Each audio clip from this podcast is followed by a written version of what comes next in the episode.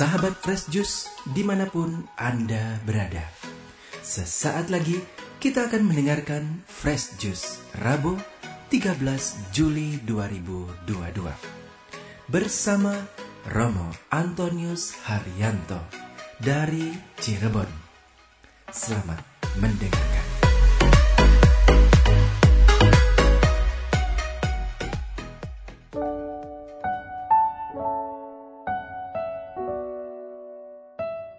Bapak Ibu, saudara-saudari dan teman-teman muda yang terkasih, apa kabarnya? Semoga Anda baik adanya, selalu sehat dan juga sukacita selalu. Salam untuk keluarga, masih liburan atau liburan sudah selesai? Kembali ke dunia yang normal lagi. Hari ini Rabu 13 Juli 2022, Injil diambil dari Injil Matius bab 11 ayat 25 sampai 27.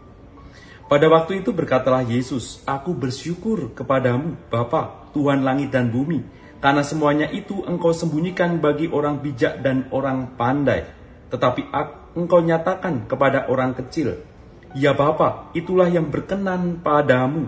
Semua telah diserahkan kepadaku oleh Bapakku, dan tidak seorang pun mengenal anak selain Bapa, dan tidak seorang pun mengenal Bapa selain anak, dan orang yang kepadanya anak itu berkenan menyatakannya.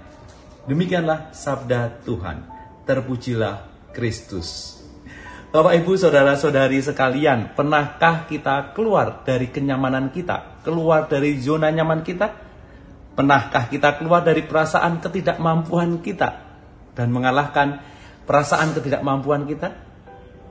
Pengalaman, saya pernah ada program untuk kemudian hidup bersama di tempat pembuangan akhir atau tempat sampah akhir. Di sana ada perkampungan, di sana ada penduduk yang sebagian besar itu punya profesi memungut sampah di pembuangan sampah akhir. Dan di situ beberapa minggu saya hidup bersama dengan warga di sana, memungut sampah, memilah sampah, mengambil sampah yang tentunya bisa dijual, yakni kertas, plastik, dan juga besi. Dari mengambil sampah itulah kemudian menjadi biaya hidup, sarana hidup kita untuk bisa beli makanan untuk hidup sehari-hari dan juga untuk kebutuhan sehari-hari. Dan juga menarik kadangkala kalau ada makanan yang kami lihat masih bisa dimakan, kami ambil untuk makan seperti penduduk lainnya. Mungkin kita merasakan bahwa hidup kita sudah nyaman, hidup kita sudah tercukupi semuanya. Tetapi kalau kita berani untuk keluar dari kenyamanan itu dan kita bisa belajar pada situasi lain, maka ada banyak pembelajaran yang saya dapatkan. Misalnya, pertama, perjuangan hidup, berani kotor, panas tanpa lelah, bahkan menghirup asap ya tiap hari karena pembakaran asap di tempat pembuangan sampah itu. Dan kedua, menyadari betul bahwa sampah itu bisa menjadi berkah apa yang dibuang oleh banyak orang dan ditumpukan di pembuangan akhir itu ternyata juga bisa untuk hidup menghasilkan rupiah. Sampah bisa menjadi berkah. Dan ketiga, menghargai makanan. Gak mudah untuk mencari makan itu. Menghargai apa yang sudah diterima dan tidak selalu menuntut tetapi bersyukur atas hidup ini dan banyak pembelajaran yang lain. Saya juga pernah Belajar pada orang lain, pada itu saya tertarik dengan seorang nenek yang usianya hampir 80 tahun mengemis di pinggir jalan. Saya kemudian mulai menyapa, mengenal. Kadangkala saya juga kalau sempat juga memberi, menyisikan uang saku dan sebagainya. Lama-lama saya ingin kenal nenek ini. Kenapa dia mau ngemis di pinggir jalan? Udah usia renta, usia pensiun, usia yang harusnya banyak di rumah. Sampai kemudian saya main ke rumahnya dan sebagainya Ternyata nenek ini mengemis demi anaknya yang sakit lumpuh di rumah. Dia berjuang untuk kehidupan. Saya belajar pada nenek ini bagaimana memperjuangkan hidup orang lain. Bagaimana hidupnya itu didedikasikan untuk membantu anaknya untuk bisa tetap berobat, untuk anaknya tetap bisa hidup. Nenek berjuang untuk kehidupan sampai titik darah penghabisan. Aku bersyukur kepadamu Bapa, Tuhan langit dan bumi, karena semuanya engkau sembunyikan bagi orang bijak dan orang pandai, tetapi engkau nyatakan kepada orang kecil. Kalau kita mengkategorikan apa yang saya ceritakan orang-orang kecil, maka saya telah belajar banyak hal dari mereka. Kadangkala kalau kita merasa menjadi pribadi yang besar atau orang yang besar, kadangkala kita menjadi orang yang lupa diri, saudara-saudari dan teman-teman muda yang terkasih. Orang bisa jadi merasa lebih, lebih kaya, lebih terkenal, lebih gaul, gitu kan ya, lebih terpelajar, dan sering kali menjadi takabur dan jatuh ke dalam kesombongan, keangkuhan, dan juga menganggap rendah orang lain. Karena merasa lebih tadi, banyak hal akan bisa hilang dengan sekejap mata, atau kemudian kita tidak mampu mengatasi diri, atau kemudian kita merasa tidak butuh orang lain, sehingga kita tidak bisa bekerja sama dengan orang lain. Merasa lebih membuat kita tidak mau mendengarkan orang lain, maunya aku yang didengarkan. Masukan orang lain tidak didengarkan dan merasa diri paling benar. Ini mengerikan. Kalau terus kita teruskan, kita menjadi pribadi yang sombong, merasa benar, dan kemudian tidak membutuhkan orang lain atau bahkan merendahkan orang lain. Di sinilah awal kejatuhan.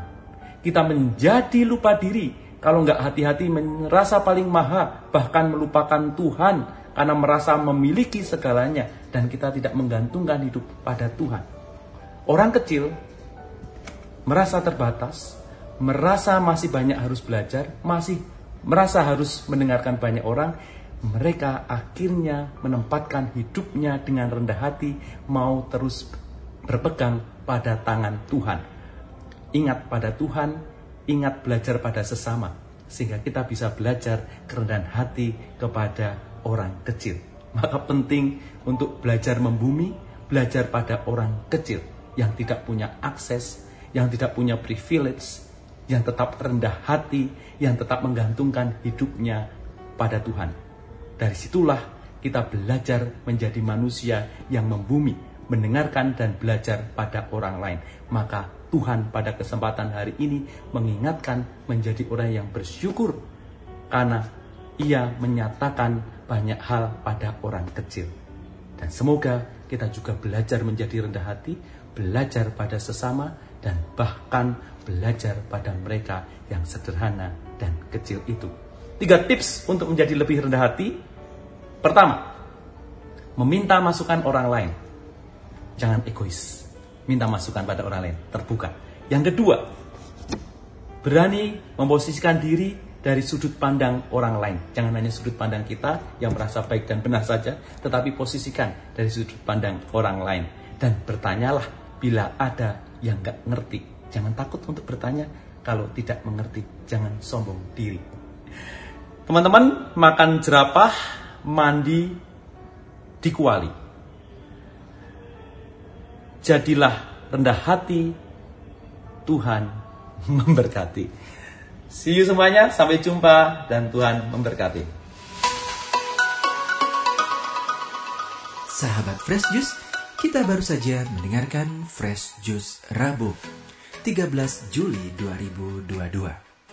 Saya Yofi Setiawan beserta segenap tim Fresh Juice mengucapkan terima kasih kepada Romo Antonius Haryanto untuk renungannya pada hari ini. Sampai berjumpa kembali dalam Fresh Juice edisi selanjutnya. Jaga kesehatan dan salam Fresh Juice.